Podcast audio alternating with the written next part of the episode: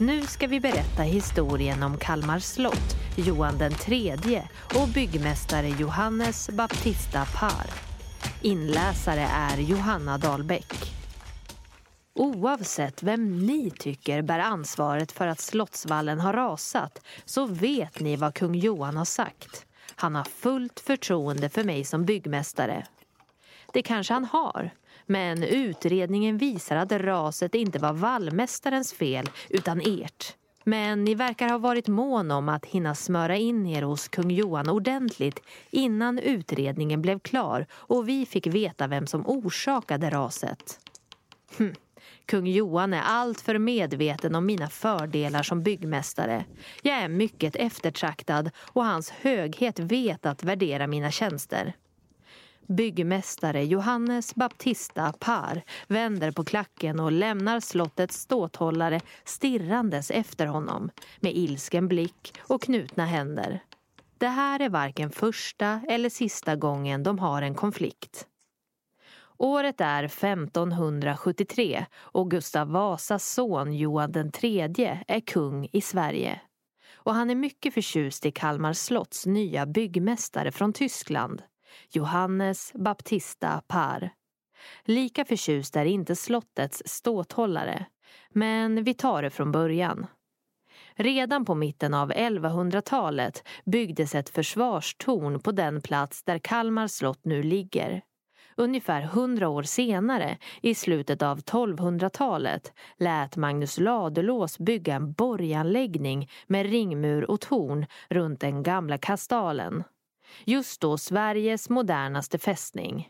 Och en stark försvarsanläggning. Gränsen mot Danmark låg under flera hundra år bara några mil söder om Kalmar eftersom Skåne, Blekinge och Halland tillhörde Danmark fram till 1658. Kalmar ansågs som ett så strategiskt viktigt fäste att det kallades för rikets nyckel. Men det var inte förrän på 1500-talet som slottet började få sitt nuvarande utseende. Det var då Gustav Vasa drog igång de omfattande moderniseringarna. Murarna behövde förstärkas. De var byggda för att stå emot medeltida krigsföring men skulle knappast klara sig länge om de tvingades konfrontera 1500-talets kanonader.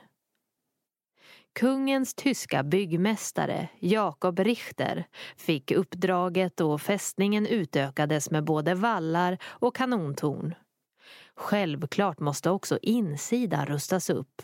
En ny kungsvåning byggs och för att skapa kungstrappan dit upp, alltså slottets huvudtrappa, hämtar man gamla gravstenar från en kyrkogård i närheten som får agera trappsteg.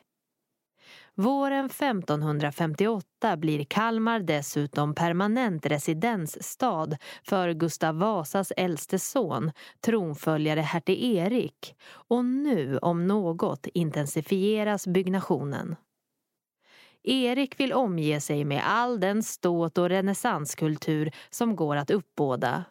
Nu samlas lärda herrar och en stor del av det svenska hovet här. Konsthantverkare får till uppgift att arbeta på slottets interiörer. Musiker anställs för att hovfesterna ska bli tillställningar som imponerar på de utländska gästerna. Alla dessa nya människor och uppdrag innebär ett betydligt uppsving för Kalmar som stad.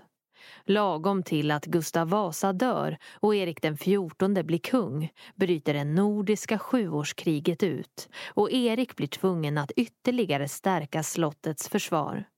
Men ibland räcker det inte bara med att försvara sig mot yttre fiender. Snart har Eriks lillebror Johan lyckats avsätta sin storebror och själv ta tronen. Och när det väl sluts fred igen kan Johan ta sig an upprustningen av Kalmarslottets interiör. Något han gör med glädje och öppen penningpung. När så byggmästare Richter går bort passar Johan på att rekrytera också sin nya byggmästare direkt från Tyskland. Johannes Baptista Par tar med sig sina bröder, Dominicus och Franciscus. Nu ska här byggas och inredas. Brunnsöverbyggnaden på inre borggården, ett mästerverk i sten.